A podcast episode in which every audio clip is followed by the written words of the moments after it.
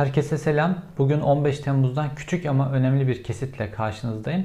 15 Temmuz'un bütünüyle ortaya çıkması için henüz daha çok erken, çok fazla şahidin, olayın aktörlerinin ve belgelerin ortaya çıkması lazım. Ondan sonra biz 15 Temmuz hikayesini, Türkiye'nin en karanlık darbe girişimini, 15 Temmuz hikayesini bütünüyle anlayabileceğiz.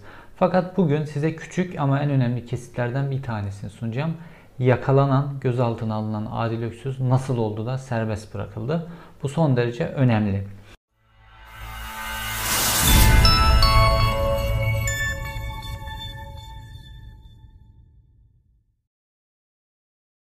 Adil Öksüz 15 Temmuz darbe girişiminin beyinlerinden biri olmakla suçlanıyor ve 15 Temmuz günü darbenin, darbe girişiminin yönetildiği Akıncı üstünde olduğu iddia ediliyor.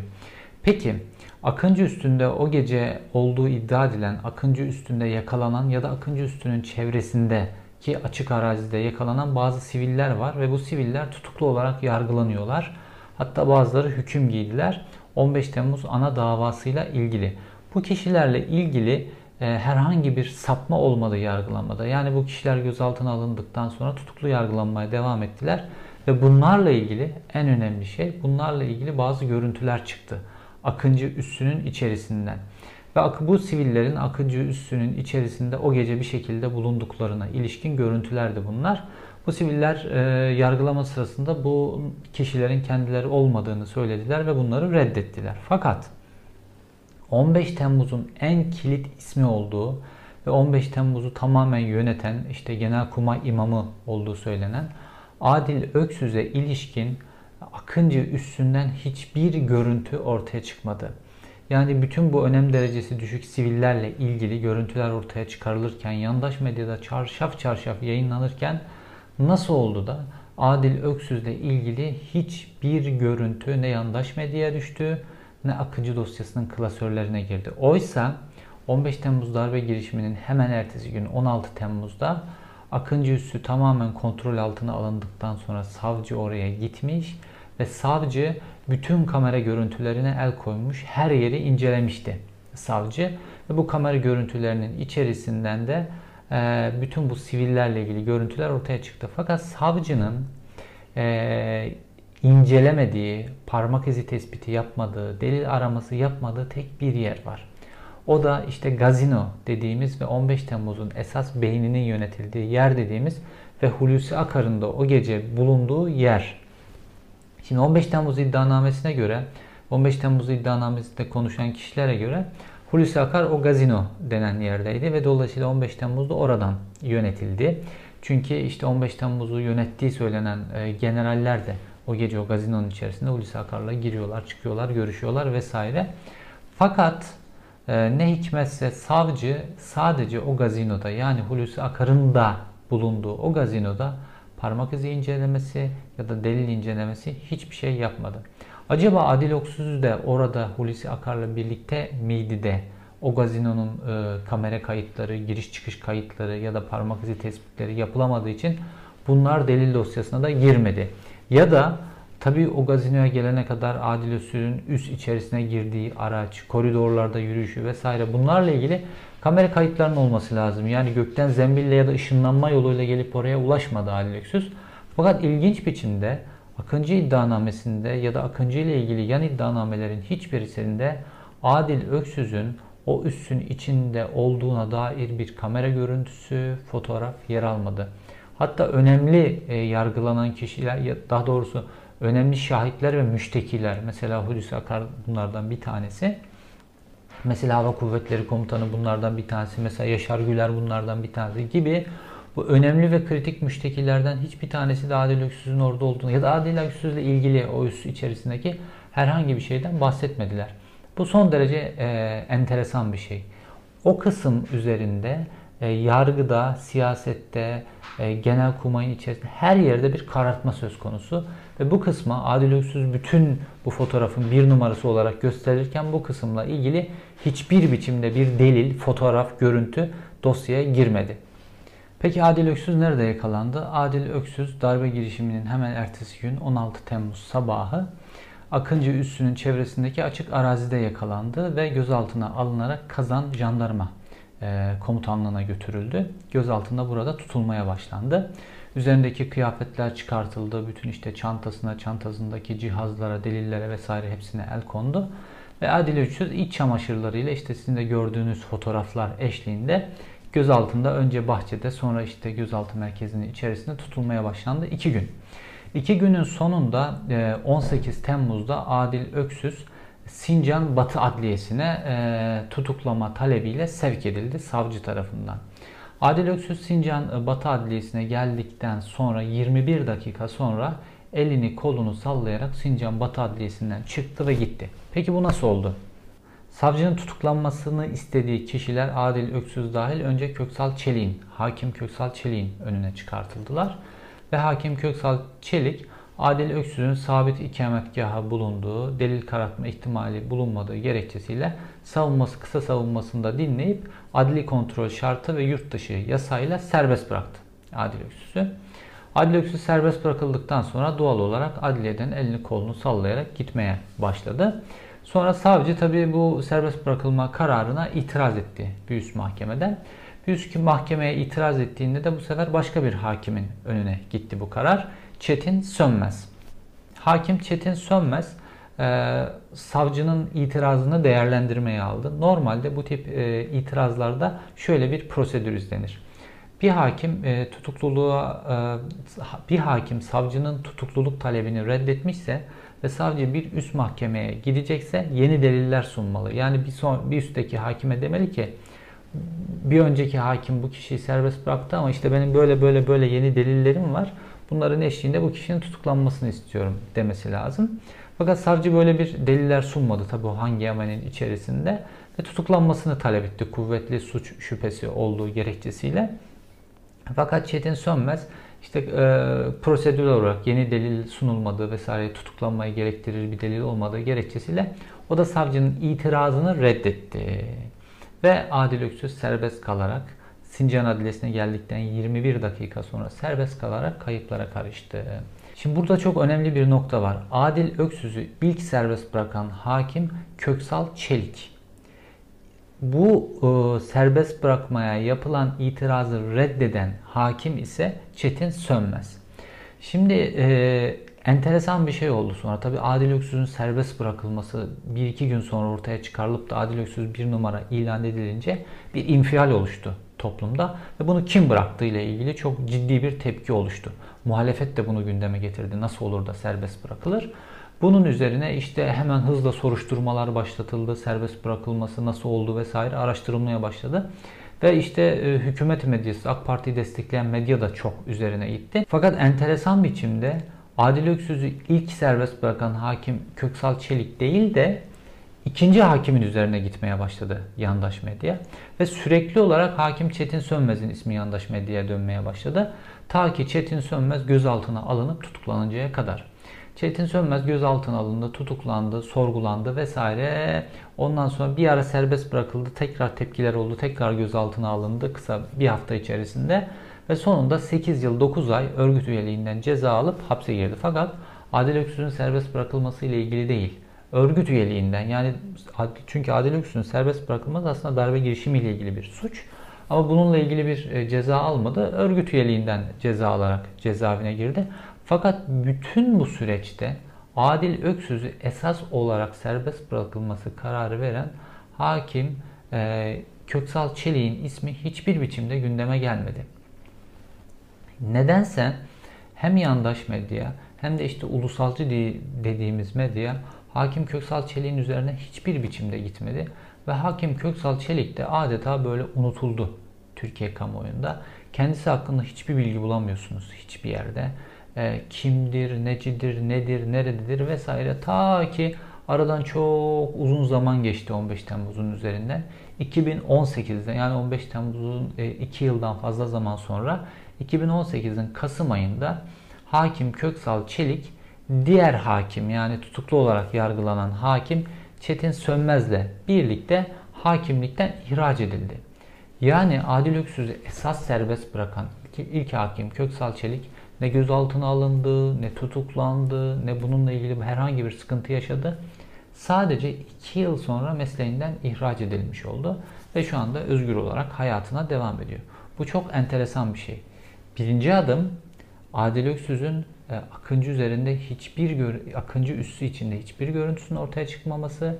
İkincisi Adil Öksüz esas olarak serbest bırakan hakim Köksal Çelik'in hiçbir biçimde bundan dolayı sorumlu tutulmaması, gözaltına alınmaması, tutuklanmaması ve tamamen unutulmaya e, bırakılması, yandaş medyanın da bu konuya hiçbir biçimde girmemesi. Bu ikinci e, ilginç nokta Adil Öksüz'ün serbest bırakılması ile ilgili. Fakat buraya bu kadar mı? Hayır. Daha adımlara devam edeceğiz.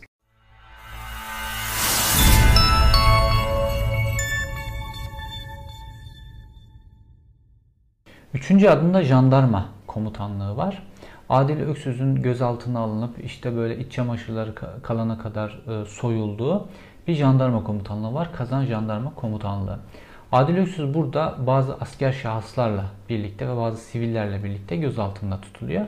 Fakat o böyle biraz ayrı bir yerde tutuluyor.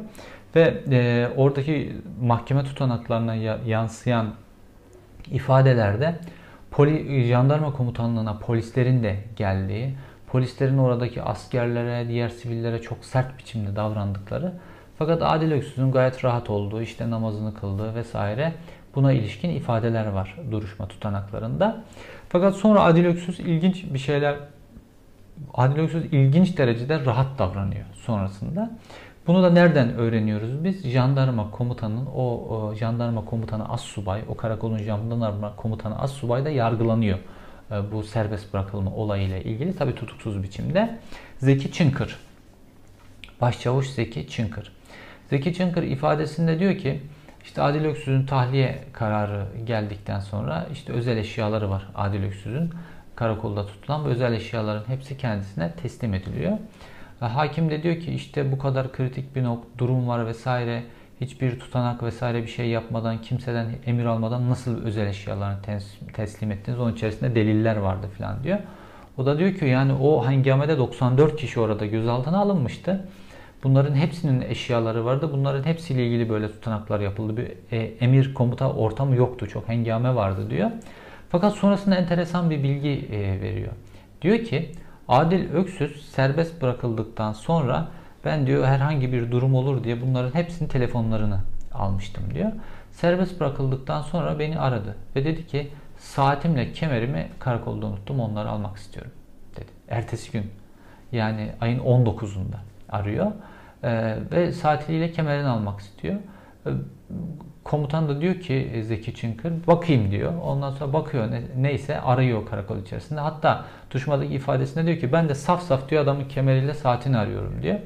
Neyse tekrar arıyor, tekrar arıyor. Üçüncü aramada e, saati ve kemeri bulunuyor. Ve Zeki Çınkır diyor ki e, kendin gelirsen sana teslim edebiliriz diyor. Adil Öksüz de diyor ki Başka birisini göndersem olur mu diyor. O da diyor ki olmaz önce bir vekalet getirirse olur diyor. Adil Öksüz de tamam diyor telefonu kapatıyor.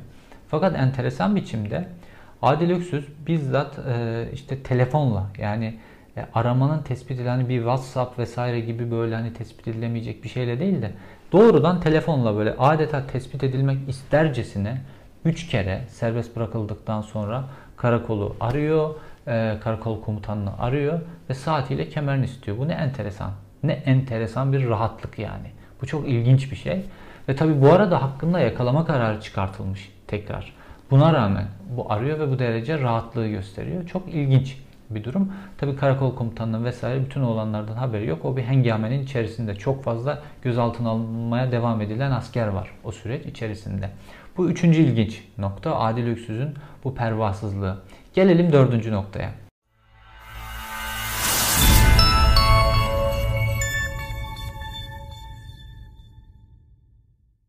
Başbakanlık müşaviri Ali İhsan Sarıkoca.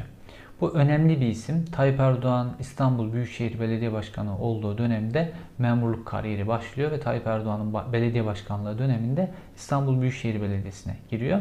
Sonra Tayyip Erdoğan işte AK Parti süreci vesaire başbakan olduktan sonra da başbakanlık müşaviri olarak başbakanlığa geliyor. Sonra da başbakanlığın en kritik birimlerinden bir tanesi BİMER'in başına geçiriliyor. Ali İhsan Sarıkoca o Adil Öksüz gözaltında olduğu ilk gün 16 Temmuz günü e, Adil Öksüz'ün gözaltında tutulduğu karakola geliyor. Jandarma karakoluna geliyor. Adil Öksüz'le de görüşüyor ve orada kendi ifadesine göre işte Adil Öksüz'e bağırmış, çağırmış hatta daha ileri laflar söylemiş. Hatta bazı ayetler de okumuş böyle ders vermek istercesine. Sonraki diğer insanlara da bağırmış kendi ifadesine göre. Fakat enteresan biçimde Ali İhsan Sarıkoca e, ifadesinde daha sonra o Ali İhsan Sarıkoca'nın da ifadesine başvuruldu. İfadesinde diyor ki ben diyor o gece sabaha kadar darbecilerle mücadele etmiştim. Ondan sonra da onun öfkesiyle, kızgınlığıyla işte kazanda bu e, darbecilerin merkezlerinden bir tanesi Akıncı üstüne yakın olması hasebiyle duydum ben diyor orada işte diyor ve sivil imamların vesaire de olduğunu ve oraya gittim tepkimi gösterdim doğal olarak diyor.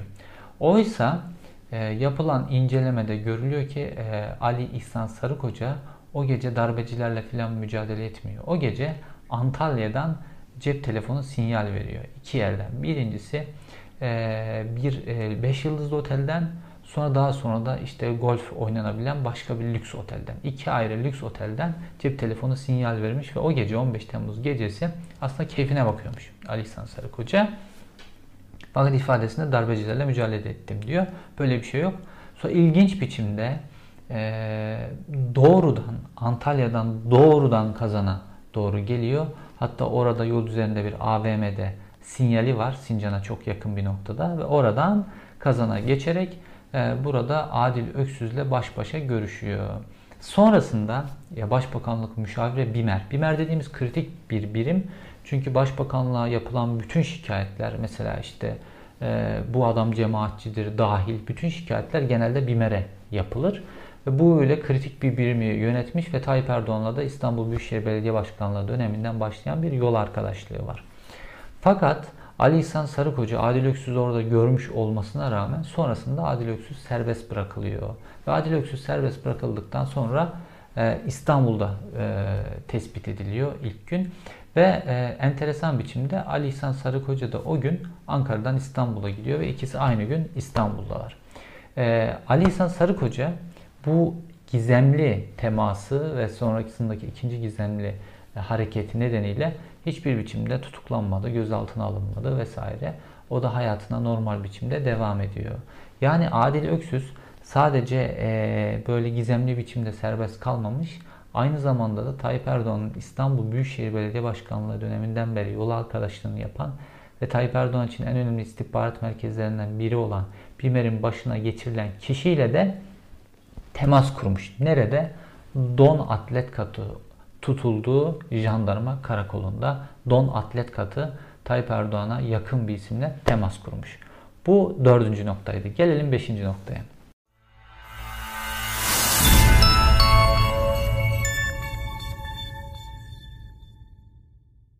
Adil Özküsüz serbest bırakıldıktan sonra e, Rahatlığı sadece e, karakolu arayıp da saatiyle kemerini istemekten ibaret değil.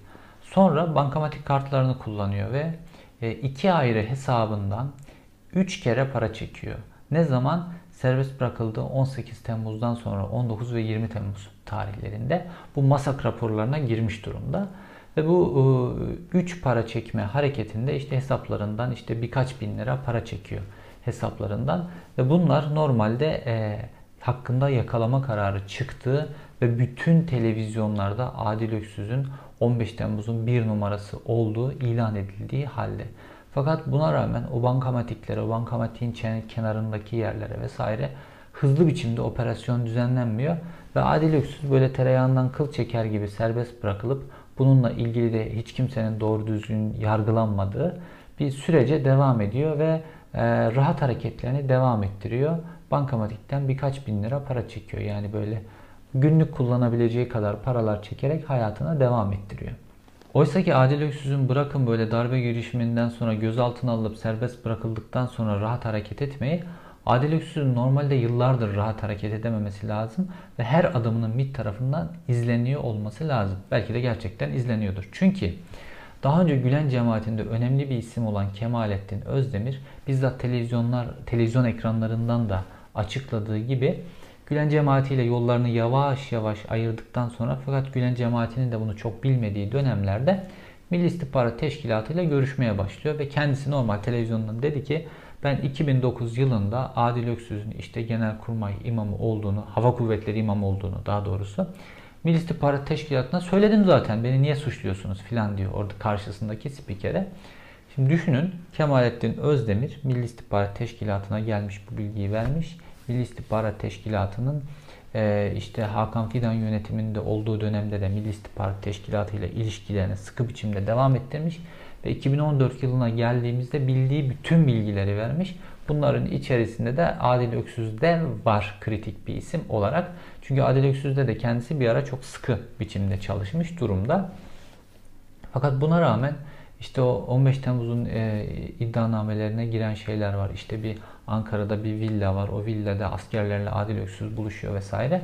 Normalde tüm bunları Milli İstihbarat Teşkilatı'nın, Hakan Fidan'ın Milli İstihbarat Teşkilatı'nın izliyor olması lazım. Ki e, hani bırakın hani Adil Öksüz'ün Akıncı üstüne gitmesini, Akıncı üstünden çıktıktan sonra karakolda oluşunu, yani MIT'in onun karakolda oluşunu bilmesi lazım. MIT'in onu özel olarak hemen gidip oradan alıp sorgulamaya alması lazım. Öyle jandarma karakolunun falan filan inisiyatifine bırakmaması lazım. E, kendisini doğrudan sorgulamaya onu alması lazım. Onu orada korutması lazım. Bu istihbaratı hemen başbakanlıkla işte cumhurbaşkanlığıyla paylaşması lazım. Adil Öksü'nün ne kadar kritik birisi olduğunu onun doğrudan Ankara Adliyesi'ne getirilip orada hemen sorgulanması lazım, lazım, lazım bir sürü şey. Çünkü bu bilgilerin hepsi normalde e, Kemalettin Özdemir tarafından verilmiş. Fakat enteresan bir biçimde işte ne o villa toplantıları takip edilmiş, ne Adil Öksüz işte Akıncı üstüne giderken takip edilmiş, ne e, Kazan Jandarma Karakolu'nda gözaltındayken bununla ilgili herhangi bir bilgi vermiş. E, çünkü normalde sistemden düşüyor onun da önüne. Bilgi vermiş. Hiçbir bilgi paylaşılmamış ve enteresan yol açın otoban otobana çevrilmiş Adil Öksüz'ün yolu. Ee, işte bu Kemalettin Özdemir'in verdiği bilgi MIT'in bütün süreçten bilgi sahibi olması ona rağmen hiçbir şey yapılmaması da işte zincirin parçalarından bir tanesi. Gelelim diğer parçasına.